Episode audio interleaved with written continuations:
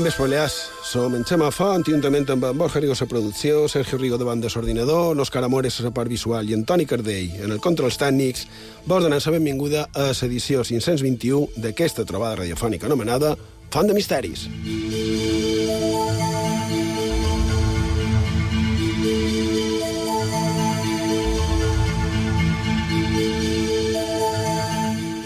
Bon vespre, Borja Rigo. Bon vespre. Sergio Rigo, bon vespre. Bon vespre, Xemà. Dissabte 2 de desembre de 2023 i abans de començar hi ha una coseta referida a Egipte que ha sortit a alguns mitjans de comunicació bé referit a l'antic Egipte. Eh? Hi ha una nova troballa que explicaria com es movien, com es transportaven les pedres des de les pedreres fins a aquelles construccions tan famoses que feien, eh? les piràmides una nova teoria que en en Borja crec que no el convenç gaire, no, Borja? Però um, ho diuen... Te demano ja mantenir el, el bolígraf, per favor. Sí, però no massa, eh? Gràcies. Yes. Però això, que diuen diferents mitjans de comunicació, com per exemple el National Geographic d'ahir divendres, a una actualització d'una publicació de fa un any, diu a l'edició digital que quan es van construir les piràmides de Giza hi havia un canal d'aigua, amb molta d'aigua, que ara no existeix, clar, i que aquella mena de riu hauria estat fonamental per carregar les pedres que s'havien d'emprar en les construccions. També diu que aquesta troballa és coherent amb el que ja et sabia, com, que, com per exemple que hi havia un moll a prop de les piràmides i que hi ha papirs on es mostren els treballadors que empren barques per desplaçar, per moure, per transportar les pedres.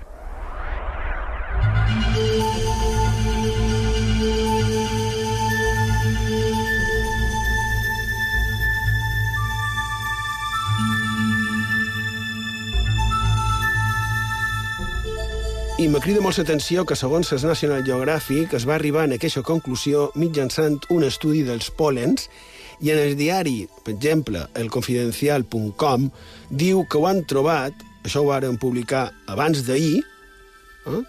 Dia 30 de novembre, i de, diu que ho han descobert mitjançant satèl·lits. Eh? Diuen que aquesta tècnica dels satèl·lits permetrà trobar moltes més restes antigues i que també just aquesta troballa a Egipte permetrà seguir aquell canal que se suposa que hi havia i que, seguint la seva trajectòria, se, se podran anar trobant més restes que ben segur creuen que hi haurà seguint aquesta via d'aigua.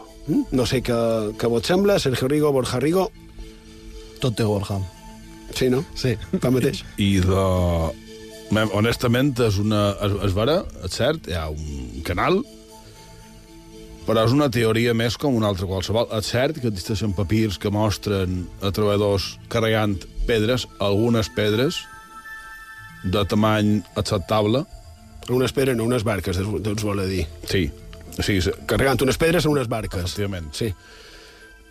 Però, en realitat, no acaba d'explicar res del tot. Aquests canals no sabem on connecten encara, mm, poden servir per altres coses que no siguin per carregar pedres, Parlen de 100 quilòmetres de canals.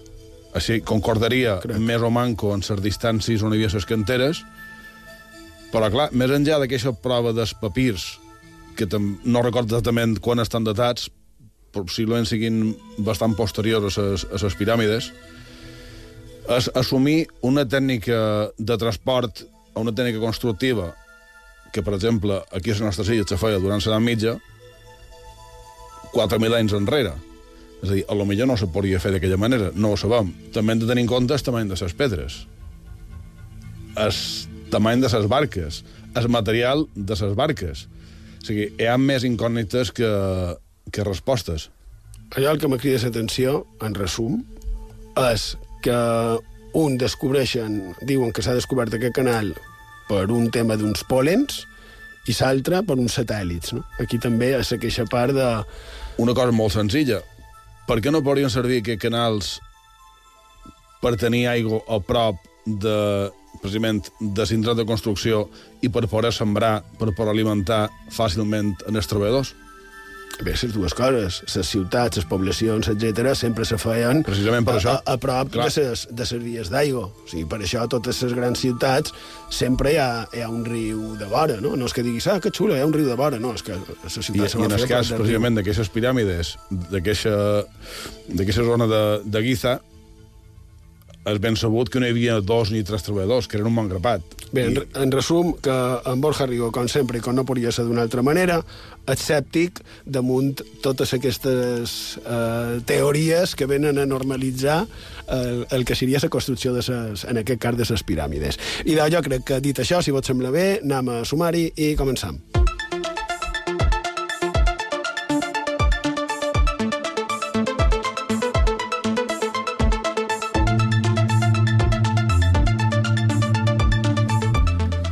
Aquest programa 521 de Font de Misteris el començarem parlant de la història real al voltant de la famosa obra de Robinson Crusoe.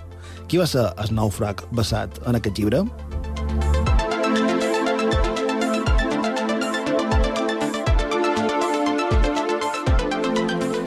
I a continuació coneixerem històries al voltant de suposats estranys visitants a la nostra terra.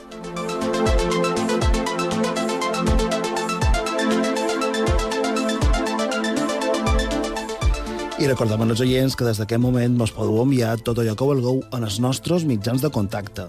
Llegim els vostres missatges en el WhatsApp i Telegram del programa. Apuntau, el número de telèfon és 659 769 52. Ho repetim, 659 769 52.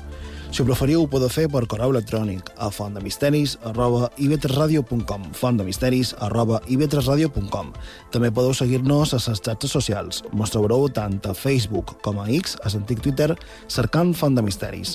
També a Instagram, allà mos trobareu cercant Font de Misteris i Vetres.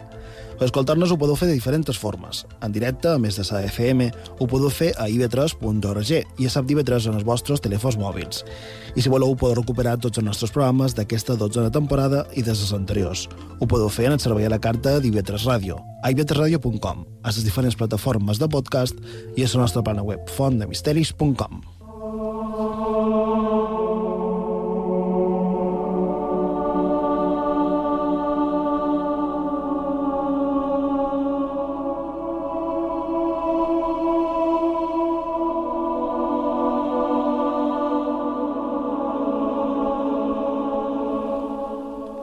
I donem amb tu, Sergio Rigo, i la teva secció Món Diversos, i avui amb una història molt literària, però podríem dir que és d'aquelles on la realitat supera a la ficció, quan vulguis.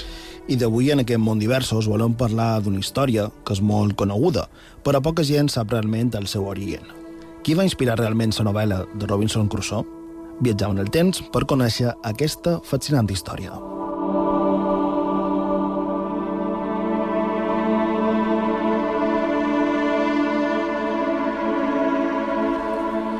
Ser un home abandonat en una illa i enfrontar-se a l'infern és una imatge literària irresistible de les tribulacions humanes. En Robinson Crusoe, de Daniel Defoe, publicat el 1719, es va popularitzar immediatament i a Anglaterra s'han reprès més de mil vegades.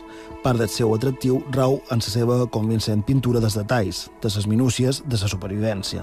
No obstant això, la nitidesa del retrat de Crusoe poc deu a l'home que es diu va ser la font d'inspiració en la seva vida real. Alexander Selric va ser un famós nàufrag contemporani de Defoe, l'autor de Crusoe. La seva terrible odissea de 4 anys tot sol a Massa Tierra, o sigui volcànica del grup de Juan Fernández, a 600 quilòmetres de la costa de Xile, havia estat difosa àmpliament per la presa anglesa. Quan Defoe va publicar Robinson Crusoe, el seu èxit se va deure en gran part a la celebritat de Selkirk.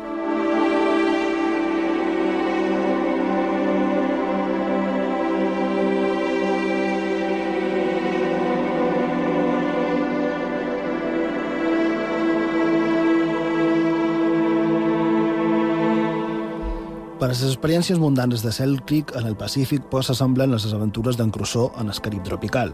A 1713, en un article de The Englishman, l'assagista Richard Steele va descriure amb la major vivacitat els moixos domats per Selkirk, les excursions de pesca, la roba de pell de cabra i el seu lloc d'amagar-se amb els vaixells espanyols. Per a la història dels seus anys a Massa Tierra li faltava l'efecte dramàtic de les experiències de Crusoe amb pirates, caníbals i esculls de coral.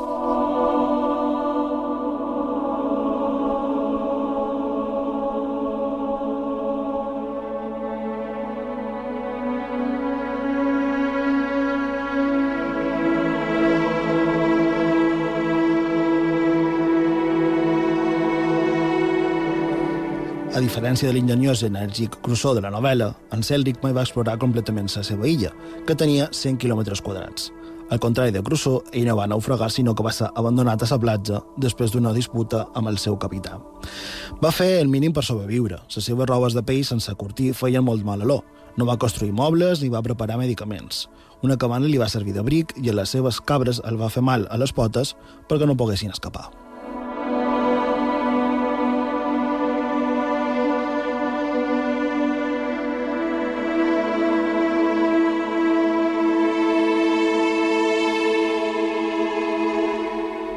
En contrast, el Crusoe de la novel·la és un mariner naufragiat, diligent i hàbil que fa peix i cuina. Es manté gràcies al sabor d'oli vegetal que elabora i cura les seves ferides preparant els seus propis cataplasmes. Per tant, la pregunta és, qui va ser el Robinson Crusoe real i com va saber d'ell en Daniel Defoe?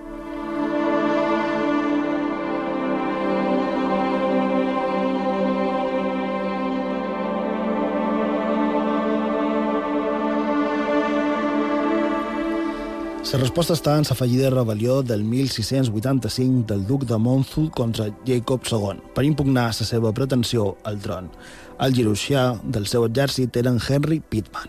La rebel·lió va ser esclafada i la majoria dels rebels eliminats. Uns 300 homes van ser capturats i processats pel jutge Jeffreys.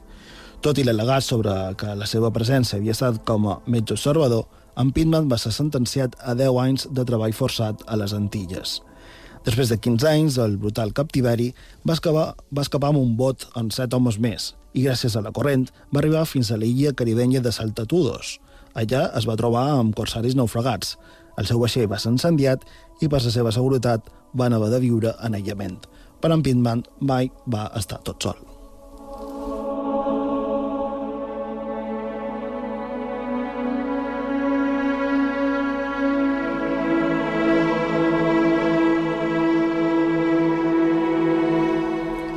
Als tres mesos, gràcies a la seva habilitat com a cirurgià, va ser admès en un vaixell pirata, que va passar per allà. Així, en Pitman va tornar a Anglaterra disfressat i ella es va assabentar que la seva família havia obtingut el perdó. Va escriure les seves experiències a Relació dels grans sofriments i estranyes aventures de Henry Pitman, publicat el 1689.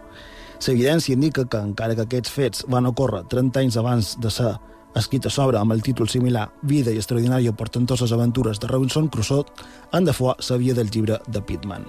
En dues obres hi ha coincidències sorprenents en alguns passatges del test. Tant en Defoe com en Pittman van participar a la revolució de Monmouth. També van ser processats i perdonats. En Tim Severin, l'escriptor i explorador britànic, va descobrir que després de tornar a Pittman a Anglaterra, en dos homes van freqüentar el mateix barri veïnal, Pitman va signar el seu llibre des de les meves habitacions a l'anunci del vaixell al cementari de Sant Pau, Londres.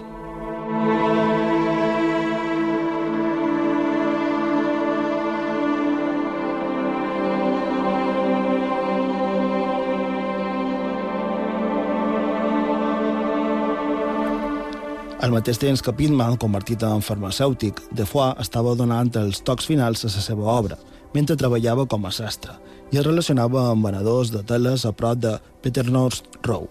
No és difícil, per tant, imaginar que aquests dos homes de lletres, veterans de la mateixa companyia, podrien haver visitat les mateixes llibreries, tavernes i haver-se conegut.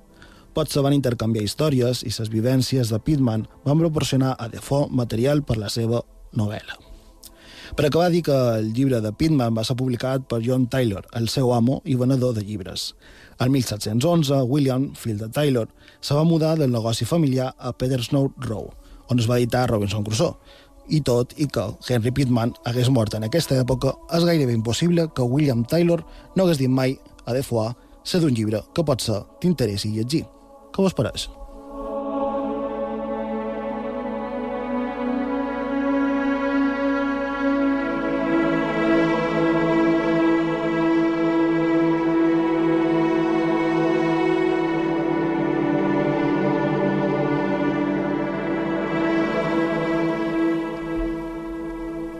M'aparell que a part de que com a història és apassionant, hi ha un parell de detallets per a comentar.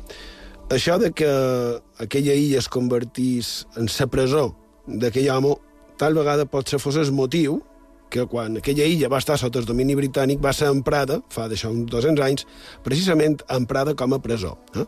Clar, no és l'únic cas d'illes que han estat jocs inhòspits on gent s'ha hagut de cercar la solució a la supervivència i que han estat emprades com a presó. Eh? Tenim el cas de Cabrera, l'arxipèlag, que forma part de, de Silla de Mallorca, on hi va haver la idea de ser emprada com a penitenciaria. I no estic fent referència quan els francesos, quan la guerra del francès, que també, però en aquell cas podrien dir que va ser emprada com a camp de concentració de presoners, que tècnicament seria diferent, i, i bé, jo estic fent referència a un altre moment de la història.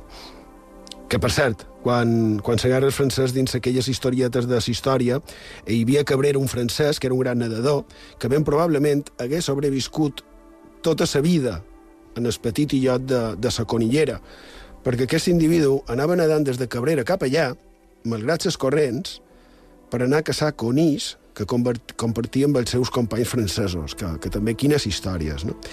I damunt de la del nàufrag que, que has contat tu, m'ha sorprès que hi hagués tantes dades referides a la possibilitat de que en Dafoe s'hagués inspirat en ell per al seu Robinson Crusoe, que no ho negaré, clar, però és que hi havia també la teoria de que realment s'havia inspirat en una altra molt semblant, amb una història molt més radical i increïble, per, per una supervivència i per extrema duresa, del lloc on va arribar.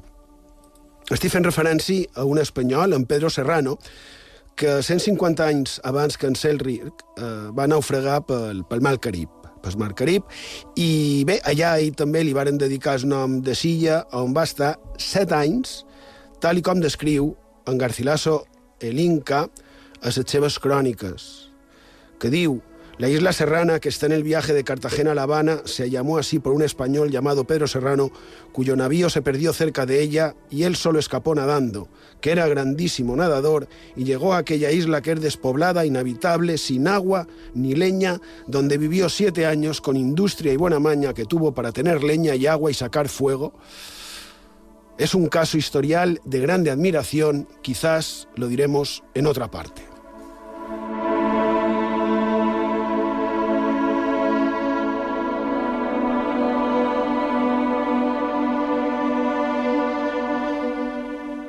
I és que realment Sillot, on va quedar en Pedro Serrano, no era una illa, com la podem entendre, és més bé un illot d'arena, com els que sortien en els, en els còmics o, o les vinyetes que surten de tant en tant en els diaris, la típica illa que no hi ha absolutament res, i doncs allà és on en Pedro Serrano va estar set anys sobrevisquent només en el que li donava la natura.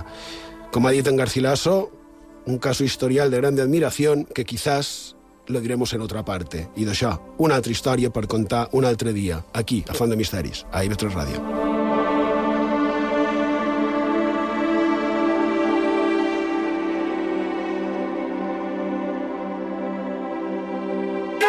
IB3 Ràdio és Memòria. Aquell primer turisme, hi ha tota aquesta imatge de glamour. A Connexió Local parlam d'història. I la gent que podia tenir accés en aquestes sales de festa era com una forma d'accedir en aquest món que escapava un pot d'una realitat que era dura a Mallorca. Els anys 40 i 50 van ser molt durs. Escoltant vivències. Per què arribes a un lloc com Formentera? No? no vols continuar amb la vida que has portat fins a un moment determinat i això és el que tenim en comú els que hem arribat de fora. I donam difusió a la tasca desinteressada de tantes persones pels seus pobles. Aquestes delegacions de premsa forana, la gent que fa feina per nosaltres i tots ens ajudam. Connexió local amb Magda Cortés. Diumenge a les 9 del vespre a IB3 Ràdio.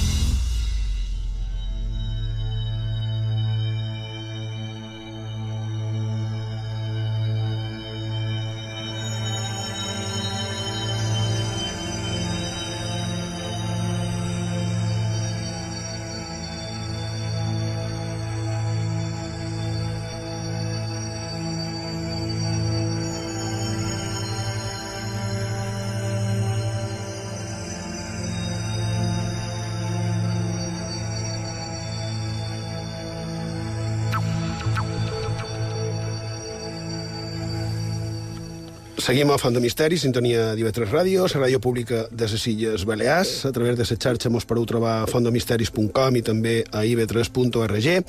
I seguim amb el que la setmana passada en Borja ens va contar damunt d'uns estranys visitants que se suposa que l'antiguitat haurien fet acte de presència, això sempre segons certes teories, en el cas que va contar en Borja era per d'haver-se actual Brasil, i aprofitant el que hi va contar, jo me'n vaig anar cap a l'altra part del món, de ser les antípodes del Brasil, en el Japó, a veure si trobàvem allà res semblant, i sí, efectivament, bé, ho vaig començar a contar, i bé, per lo vist hi havia científics que als anys 60 del segle XX deien que hi havia hagut o que potser havia hagut una gent que hauria vingut de l'espai i que hauria viscut pel Japó fins fa uns mil anys. Què t'apareix?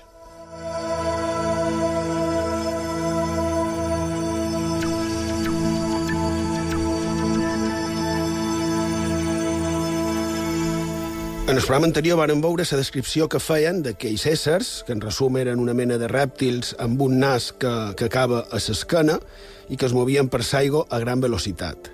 I clar, un es demana de què es podia tractar. No?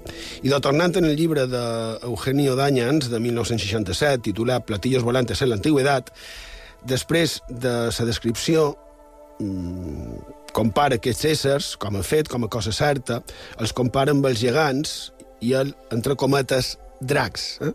Diu, hoy sabemos, por ejemplo, que los fabulosos dragones existieron realmente, gigantescos saurios que vivieron en el Cenozoico, y que los gigantes de que hablan las sagas pertenecieron igualmente al mundo de la realidad.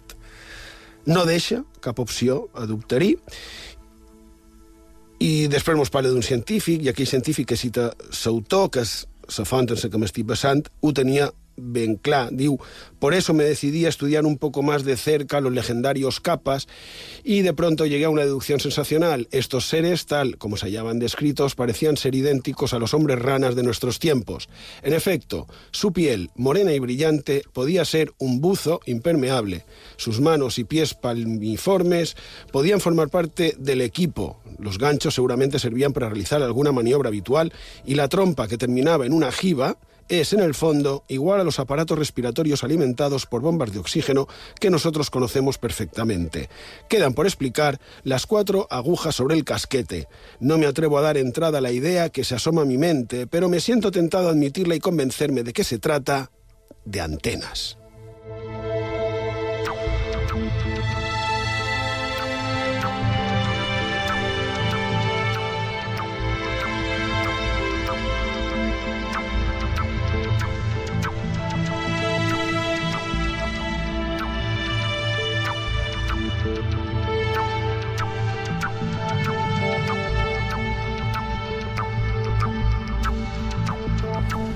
Tot fantàstic, molt bé. Cal destacar aquí que els sistemes de busseig amb botelles d'oxigen feia una mica més de 10 anys que varen començar a fer-se realitat de quan se va escriure aquest llibre. Tot això quadre, sí, però se centenes, se centenes.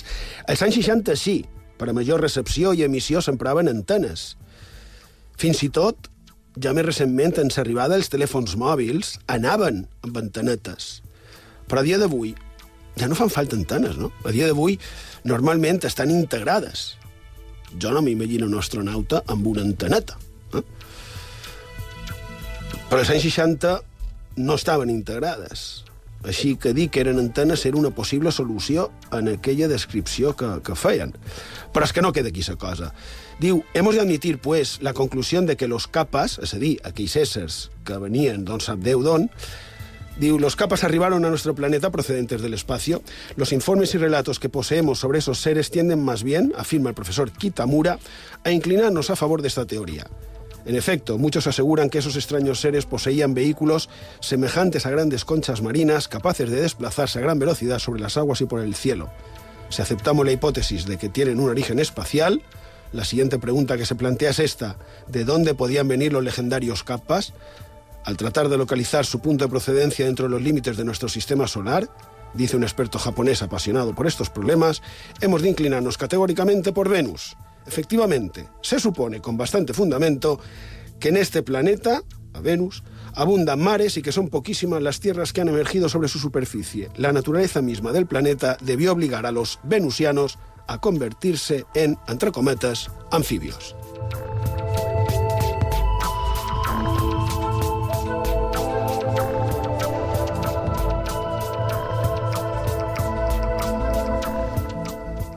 Seria això una mica l'origen dels coneguts com a reptilians? Bé, jo no ho sé, evidentment, però també tenim històries semblants a l'antiga Xina. Mil años antes de Cristo, un autor chino habla de los swing sync, esto es, globos luminosos, diciendo, desde la antigüedad hasta nuestros días no se podrían enumerar los sui sync, aquests globos luminosos, que han descendido a la Tierra. Aquests serien els que han baixat del cel cap a la terra, però també tenim, per exemple, líders religiosos que han pujat cap al cel, com el Lao Tseu, per exemple, el fundador del taoisme, a part també d'estranys objectes a èpoques molt antigues, no? Que podria ser imaginació, fenòmens atmosfèrics, altres possibles explicacions, i de Borja no contestis.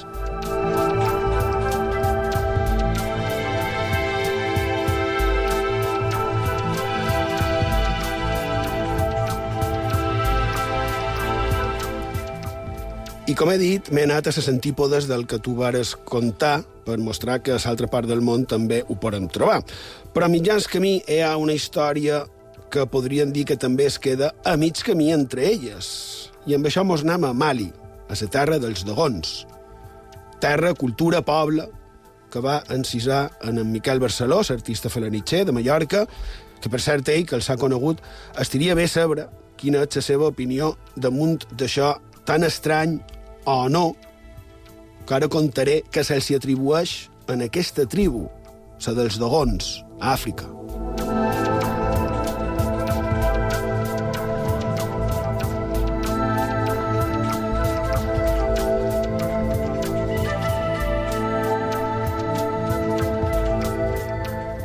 I damunt d'aquest tema tenim molta literatura. Per exemple, en el llibre Los grandes enigmas de l'Arús ens parlen d'ells, ens diu que viuen a Mali, que haurien passat desapercebuts com una tribu més, si no fos perquè tenien, tenen, diu, estranyes nocions d'astronomia. Imaginem una tribu típica d'Àfrica, però amb coneixements d'astronomia. Però diuen que fins al punt, i aquí ve la part més increïble de tot això, perquè diuen que els dogons tenen a la seva tradició oral la creença el coneixement es pot dir que de vora de l'estrella de l'enigmàtica estrella Sirio hi ha una altra desconeguda en el seu costat. Això seria un coneixement que ells tindrien des de no se sap quan, de fa pot ser fins i tot mil·lennis, que ells ho sabrien, però que la resta de la humanitat, el manco oficialment, no va descobrir-ho fins mitjan del segle XIX, que és el que se coneix com a Sirio B. I això, tot això comença quan als anys 30 del segle XX uns antropòlegs francesos anaren estudiant els dogons i diuen que es trobaren amb, que, que amb els membres d'aquella tribu tenien aquests amplis coneixements astronòmics i, a més, una estranya llegenda, tradició oral, on fins i tot es descriu que els dogons ja coneixien també els anells de Saturn, els satèl·lits de Júpiter i el més increïble, el que deia de que Sirio és una estrella doble, que ja dic és una dada que no es va saber fins no fa molt.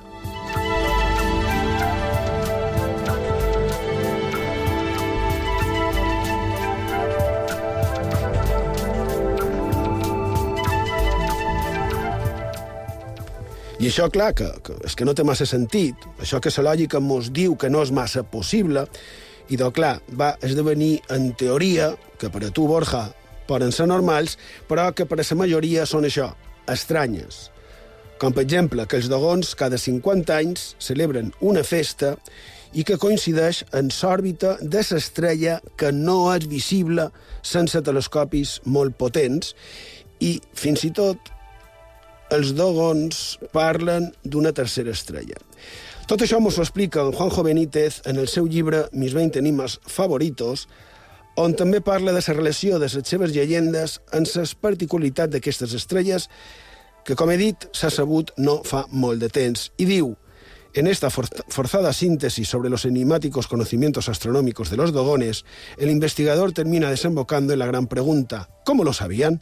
Y los depositarios de esta asombrosa tradición narran así el origen de lo que constituiría su más sagrada mitología. hace miles de años llegaron a nuestra tierra los gnomos. Eran, unas series, eran unos seres, perdón, mitad hombres, mitad peces que vivían en el sistema de Sirio. Eran los señores del agua y también fueron llamados por nuestros antepasados como los instructores y los amonestadores. Y bajaron de los cielos al nordeste en la tierra, en la tierra seca del Zorro. Y llegaron en un arca produciendo una enorme polvareda y el choque con el suelo lo dejó rugoso y el arca patinó sobre la superficie y al principio el arca era roja como el fuego y después, al aterrizar, se volvió blanca. Y cuando el arca se posó, un chorro de sangre saltó hacia el cielo, y cuando hubo aterrizado, los señores del agua sujetaron el arca con cuerdas y la arrastraron hasta una hondonada que a su vez llenaron de agua, y el arca flotaba como una piragua.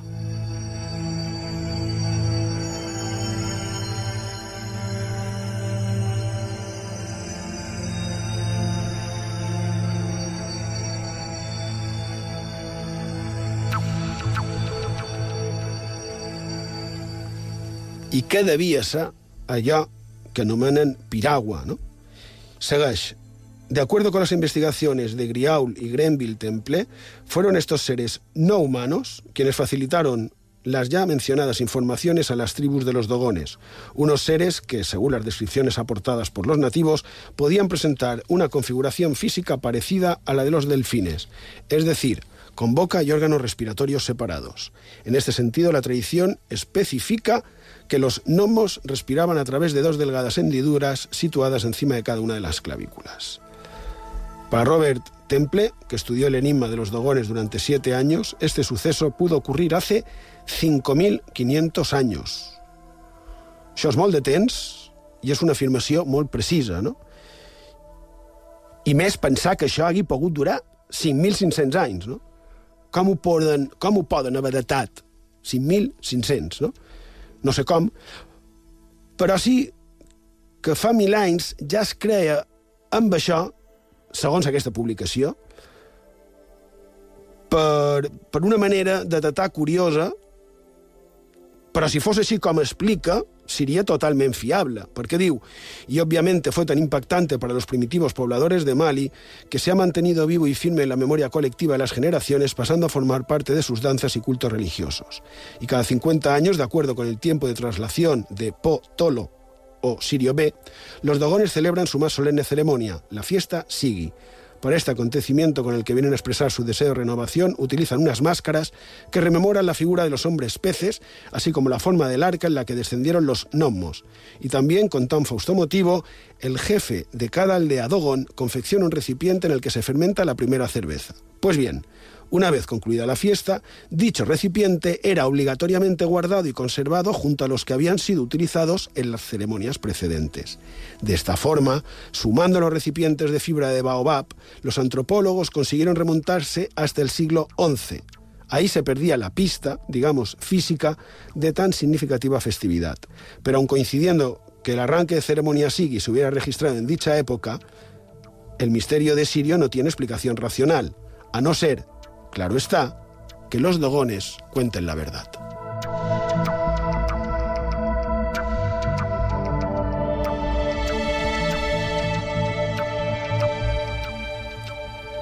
Segons diuen Benítez, et sabria perquè han anat guardant els recipients on es feia aquella festa, aquella cervesa per aquella festa cada 50 anys.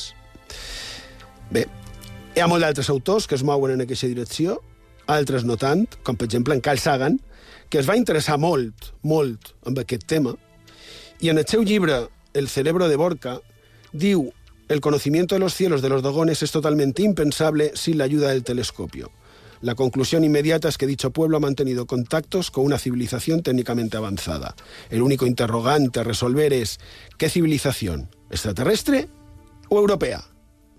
Mucho más verosímil que una incursión educativa de antiguos extraterrestres entre la tribu de los Dogones, parece ser el supuesto de un contacto relativamente reciente con europeos de cultura científica que transmitieran al pueblo africano el notable mito europeo sobre Sirio y su enana blanca asociada, mito que tiene todas las características aparentes de una espléndida e increíble historia inventada. Tal vez el contacto con gentes de Occidente se produjera a través de visitantes europeos al continente africano, por medio de las escuelas francesas locales o posiblemente por contactos que establecieron en Europa nativos de África Occidental que lucharon en el ejército regular francès durant la primera conflagració mundial. I de segons aquesta afirmació d'en Carl Sagan, les creences dels dogons serien a posteriori, no seria de fa, com a mínim, mil anys, sinó que vendrien per ser, diguem, contaminació cultural, eh, duit a terme per europeus en temps recents. I en què es basa? En Carl Sagan, y lo diu, la verosimilitud de la tesis sustentadora de que el origen de estas leyendas resida en contactos con europeos se ha visto incrementada por un reciente descubrimiento astronómico.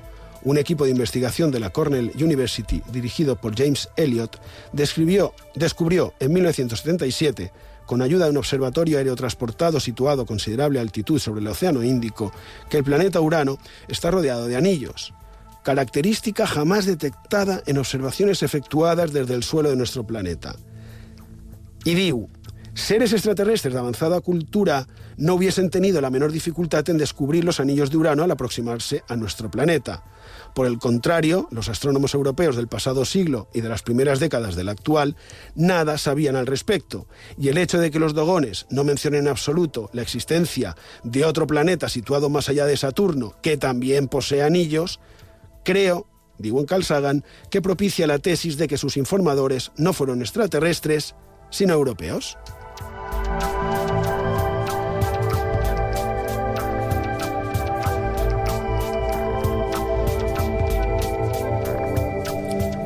I què vol dir això? I de que els dogons haurien parlat de l'astronomia que es coneixia fins fa un segle. Els descobriments posteriors es veu que no els coneixien perquè no ha quedat cap constància. I jo crec que aquí, per confirmar tot això, la pregunta és quina importància tenien els dogons fa això, 100 anys, per exemple, no?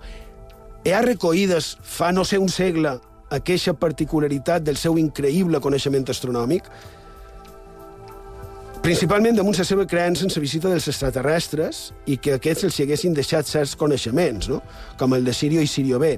Així que vaig anar a cercar informació en el que seria una, diguem, una fotografia d'aquell primer terç del segle XX, que com sabeu ja m'apassiona, que és l'enciclopèdia Espassa, aquella dels 100 volums. Eh? I sabeu què he trobat allà damunt dels dogons? I de, en el volum on li tocaria estar, a la D de dogons, i de res, cap menció, ni el se cita com a entrada.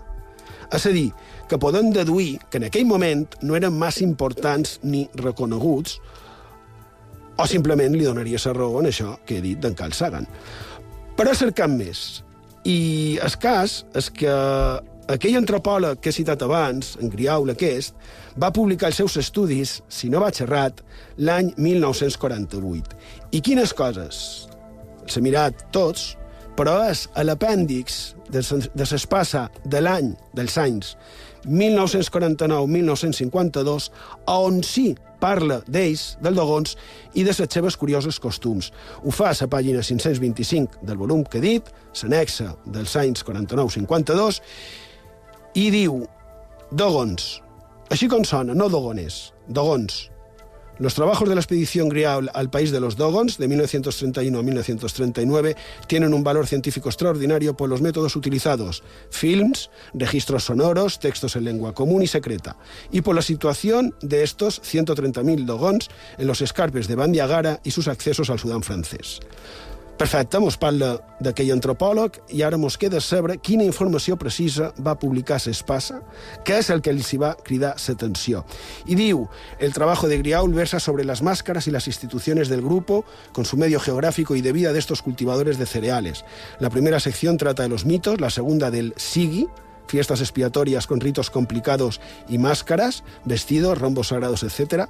La tercera de los funerales jerarquizados, la cuarta del Dama, fiesta del final de las prohibiciones de los parientes, a, a lo que lo rodea i aún a su grupo social. Com veiem, és, crec jo, una cosa molt antropològica i normal de quan se troben amb un grup d'aquell tipus. I diu res més destacable damunt dels dogons i sí, perquè fan més precisions damunt d'aquesta comunitat.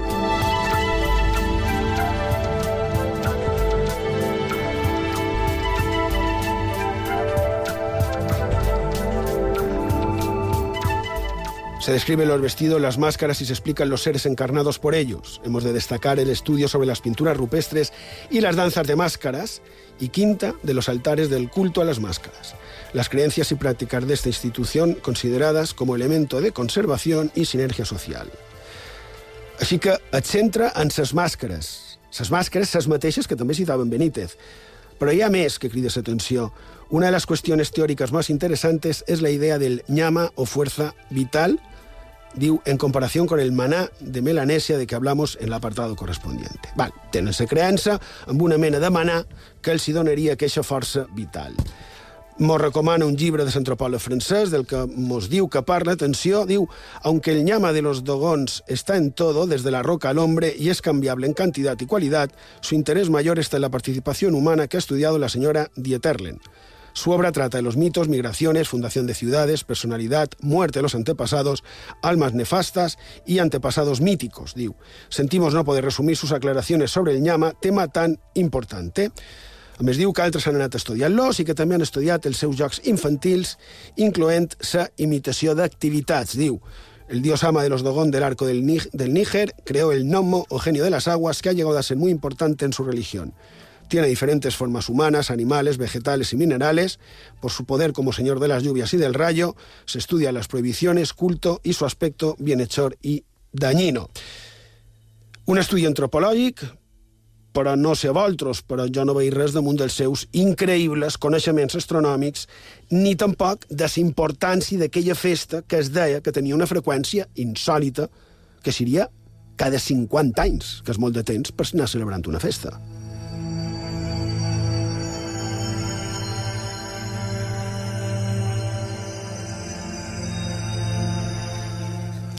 Després parla de la maternitat i de la paternitat, amb unes molt curiosos costums que ara no venen al cas, però ja dic, res, res de, de Sirio ni tampoc de l'espai, que no vol dir res, clar, però sí que crec que pot servir per veure que no, no es confirmaria aquell coneixement ancestral i tan representatiu que tindrien els dogons referit en els seus coneixements de l'astronomia i molt manco que abans del descobriment de Sirio B ells ja ho sabessin.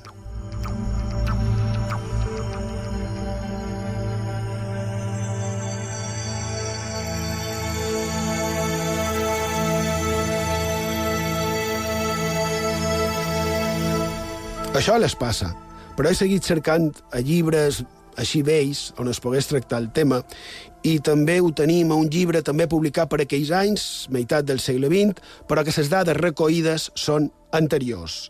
Ni més ni manco que en el costumari català de Namades, on mos parla precisament de les carnestoltes i les mascarades, i és allà a Boncita en els dogons que per cert ho fa just després de parlar de Vall de Mosa i de la descripció que fa, això és que me va fer molta gràcia en el seu dia, que fan a George Sant, Jordi Sant, l'anomenava ell, Jordi li deia, eh, damunt de les celebracions posteriors a unes noces, on aquella festa veïdemosina, unes noces, esdevingué en una mena de festa demoníaca, eh, que també té la. Però anem amb el tema dels dogons, perquè què devia dir Namades damunt d'ells? Es degué fixar en la seva increïble capacitat i coneixements astronòmics i de diu entre els negres dogons que habiten actualment al nord de l'Àfrica, els quals formen una societat de pastors i d'agricultors amb influències de les vees cultures mediterrànies, existeix un sistema religiós i mitològic que inclou una explicació molt complicada de, la vida i del cosmos. Dins d'aquest sistema exerceixen un paper fonamental el culte als morts i la institució de les màscares, amb dues en relació amb els avantpassats. Les màscares surten en festes determinades i efectuen un ritu processional i n'hi ha de mamífers, aus, rèptils, homes pertanyents a la comunitat, estrangers i adults de coses i d'objectes. Cada màscara es caracteritza per certs atributs. El punt de partida dels llaç cursos que porten a terme aquestes processons sol ser un balma o un abril rocós precisament, on es guarda una gran màscara i on els iniciats practiquen certs ritus i cerimònies i vora de la gran màscara, pintades a la roca, hi ha profuses representacions esquemàtiques de les que surten i prenen part en el ritual d'ama, que és el més important entre els que s'efectua en aquest poble.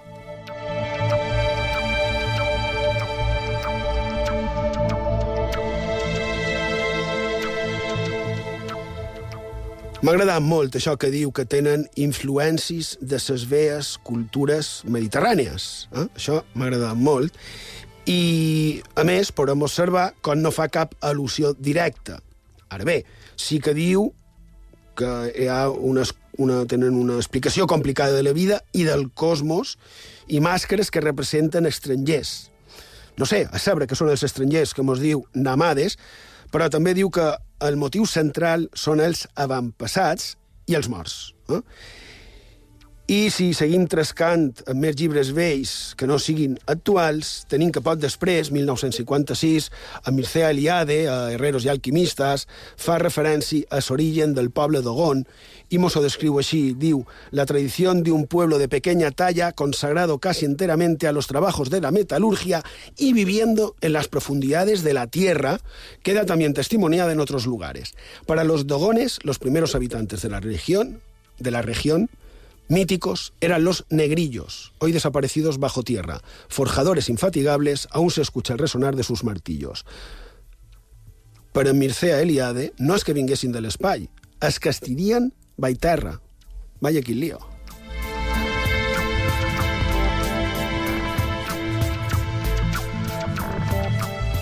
Així, doncs, aquest coneixement astronòmic podem dir que que estiria totalment fora de lloc i de temps que tindrien els dogons, d'on sortiria, des de quan, perquè veiem que fa una setantena d'anys no sembla que fos molt conegut.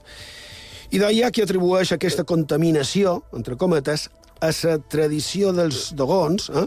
i l'atribueix directament en els antropòlegs que anaren a estudiar-los. I principalment el que degué rebre informació va ser el seu xaman, conegut com Ogotemeli. El resum per acabar ja podria ser l'article que va publicar el diari El Mundo l'any 2013, ho va publicar el doctor Ballester, astrònom, director de l'Observatorio Astronómico Nacional, y comença dient que a pesar de lo fascinante de la historia, nadie medianamente serio cree hoy en las teorías de Temple. I afirma que el treball que va fer aquest autor es va, es va basar en una, en una única font, la del chamán Ogotemeli, pero diu que, sin duda, los dogones habían tenido contacto con los, con los occidentales antes de la llegada de Griaul a su territorio. Van Vic se refiere a un misionero jesuita que visitó a los dogones antes de Griaul. El astrónomo francés Henry Alexander Deslandres estuvo en territorio Dogón con una expedición científica observando un eclipse de sol en 1893. Es de resaltar que Griaul también era astrónomo amateur.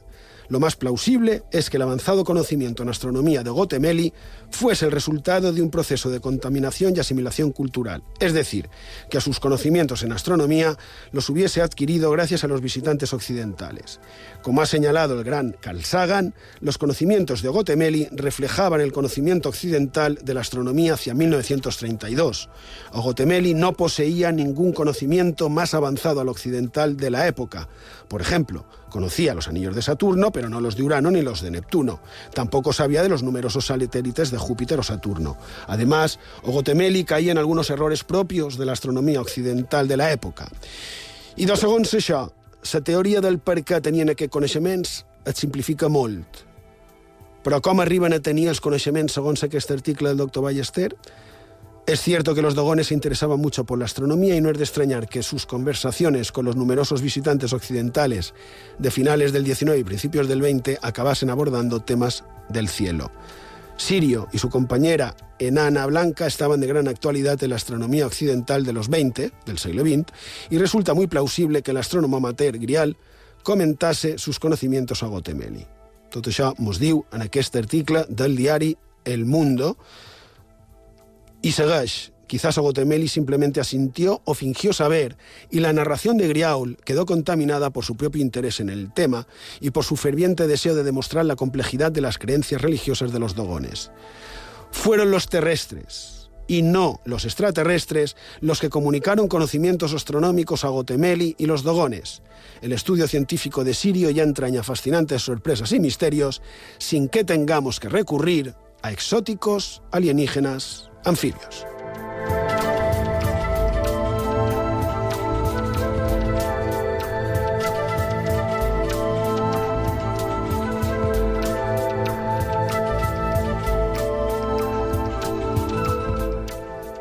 Efectivament, vas dir fora de micròfon, per a mi en saps una miqueta, ja podeu imaginar. Bé, ràpidament, començant pensant, Uh, això de, de que fa es es tot per la part m'apareix uh, molt poc científic, m'apareix molt fora de lloc, m'apareix absurd i m'apareix ridícul. És a dir, Carai, Borja, arriba en un moment que has dit d'en de, de, Carl Sagan. Perquè- Jo no seria dir-ho, eh? Vaja, ho quina he dit moltes vegades i ho seguiré, i ho seguiré repetint. Uh, però la qüestió és, és a dir, perquè no Perdó, parlen... el, el més graciós de tot això és que realment està enfadat amb Borja perquè mateix. els Està vermell. no parlen de d'un fenomen astronòmic concret vol dir que, que el que diuen és, és mentida, és a dir, eh, ho havien d'explicar tot, no? Tots, la, tota la cos, cosmologia, cosmografia, eh, funcionament dels univers, l'havien d'explicar per donar veracitat en, en la seva història. No, és ridícul. És a dir, a lo millor els Dogon, si van comparar-se per allà, eh, o sigui, els, els Nomos, els van explicar el que volien explicar i punt. Ja està, no em porta anar més enllà. Més coses. Vol dir que no tenien per què explicar el que passava a Urano o a Júpiter perquè no era la seva guerra. Clar, i si Val. venien de Sirio, venien de Sirio. Val. Hem parlat de Sirio A i de Sirio B, però és que es Dogon també parla d'un Sirio C, D'un tercer Síria, sí. que Clar, va, però jo, jo havia de resumir. que se va descobrir en els anys 90.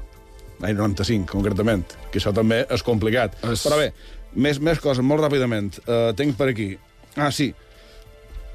Lo de la possible intoxicació per part d'aventurers o expedicionaris europeus, val d'acord, assumim que hi ha un contacte, has parlat d'un jesuïta de l'any 20, que justament era astrònom aficionat, quina casualitat, i justament se va topar un, amb un poble de més de 150.000 habitants en el mateix senyor que després, l'expressió francesa de 10 anys després, se va tornar a topar i justament aquest, aquest xaman va quedar contaminat de les idees d'un astrònom aficionat de l'any 20. Bé, d'acord. Sirio B se va descobrir en 1262. És a dir, no crec que hi hagués tant, tant de contacte i tantes possibilitats de que aquest coneixement passés d'una banda a l'altra. No hi havia, evidentment, un tràfic constant d'expedicionaris europeus cap allà i manco que tinguessin aquests coneixements científics. I ja, molt ràpidament, Però molt ràpid. eh, important, la descripció que fan els Dogon dels nomos no és la descripció clàssica habitual que hem parlat altres vegades d'éssers que ven un altre món. No és un clàssic viracotxa, per entendre-nos, no és un barbut blanc. Correcte. És una cosa diferent. És totalment diferent i, a més, ara jo aquí sí he d'afegir he d'afegir que només s'han parlat dels dogons, però a Àfrica, només a Àfrica, teories semblants a les dels dogons tenim amb els Masais de Kènia, els Assantis de Ghana, ho tenc tot apuntat, eh? el Bembas de Zàmbia, el Panges del Congo, els Sibos de Nigèria, els Zulus d'Àfrica i n'hi ha més. És a dir, que el tema dona per molt. Però no t'enfadis, Borja Rigo.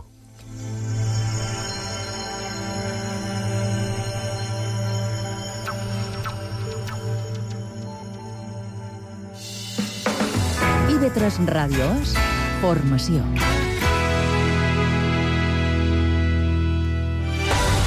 Dissabte i diumenge, la informació continua actualitzada i ampliada. Els informatius cap de setmana de la ràdio pública i els butlletins horaris. IB3 Ràdio. Serveis informatius. Començam entre avui i demà amb un repàs de l'actualitat. Bon vespre, arriba el capítol 200. El missatge d'avui, sobretot, és d'esperança. De, La investigació està en curso i El que no pot ser que la seva proposta sigui la bona. És un bon moment per reflexionar sobre el que està passant amb els nostres tertulians. És completament legítima. Jo discrepo amb això. Puc entendre que és una reacció. Em sembla bastant hipòcrita perquè el primer que... Estiram del fil i aprofundim en temes que desperten la nostra curiositat. La segona oportunitat, tal com Hi la ha tenim. moltes entitats que no estan especialitzades. Posar les persones en el centre de l'organització vol dir que ho fan persones i ho compren persones. Entre avui i demà, de dilluns a divendres a les 8 del vespre, a IB3 Ràdio, amb Araceli Bosch.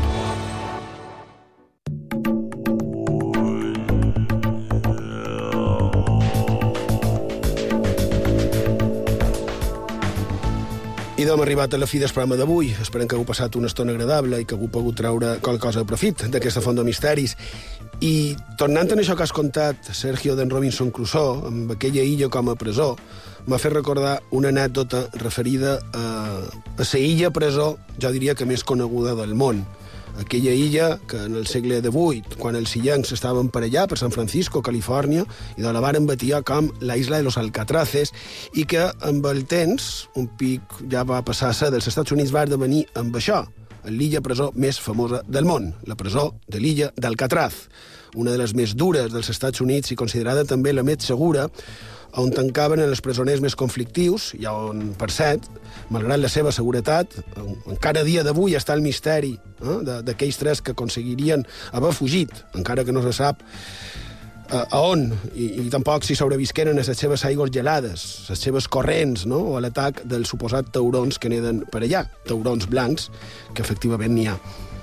El cas és que, dins la seva duresa, dins el seu aïllament, era en el seu temps l'única presó dels Estats Units on els reclusos es dutxaven amb aigua ben calenteta, que ara, a ven, la majoria poden dir que tenim la sort no?, de poder gaudir d'un bé tan essencial com veritablement és aigua calenta. Però, clar, en aquelles presons fredes, deshumanitzades dels anys 50, crida l'atenció aquest detall amb els presoners. Però sabeu, no tot és el que sembla. Efectivament, era aigua, a més, ben calenta, però no ho feien per humanitat. Ho feien per no acostumar el metabolisme dels presidiaris a l'aigua freda. De manera que si volien sortir nedant, recordam que, que, que era posant-se a fortes corrents en els taurons, però també amb una aigua gelada, i de, a l'estar acostumats a aigua calenta, la possibilitat d'una hipotèrmia es multiplicava. Curiós, no?, veure com sovint pensam que un mos vol ajudar i realment el que fa és vetllar únicament per la seva tranquil·litat, pel seu benestar. Que qualcú s'aprofita, i de millor pel que s'aprofita, però realment la verdadera finalitat és el seu interès. Així que això, sovint, les dutxes d'aigua calenta realment són un jarro d'aigua freda. I això són les utopies de la mitjanit del 17 TV3 Ràdio i segur que mos seguiran venent que l'aigua calenta o el símil que vulgueu és per nostre bé. Però no, ja vos dic que en lloc de danys col·laterals, en aquest cas són beneficis col·laterals i damunt han d'estar agraïts. I d'això ja ho sabeu. I si parlam d'illes desertes, com la que has contat tu, Sergio, evidentment, per acomiadar-nos només podíem posar aquesta cançó. Clar que sí. No estic en condicions de viure molt de temps sense una finestra que doni en el carrer.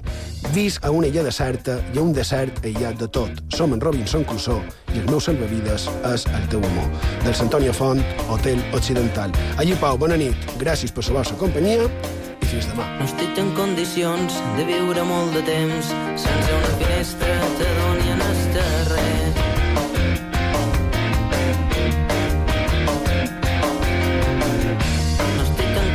Condicions de viure molt de temps sense una finestra que doni en el carrer.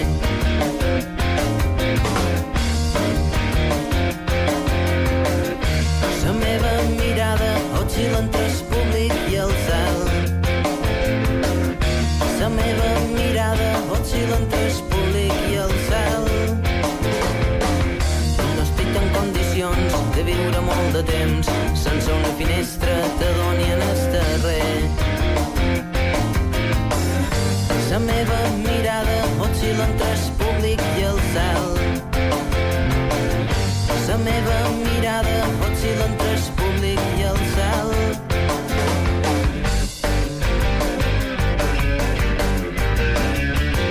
Visc a una illa deserta i un desert aïllat de tot.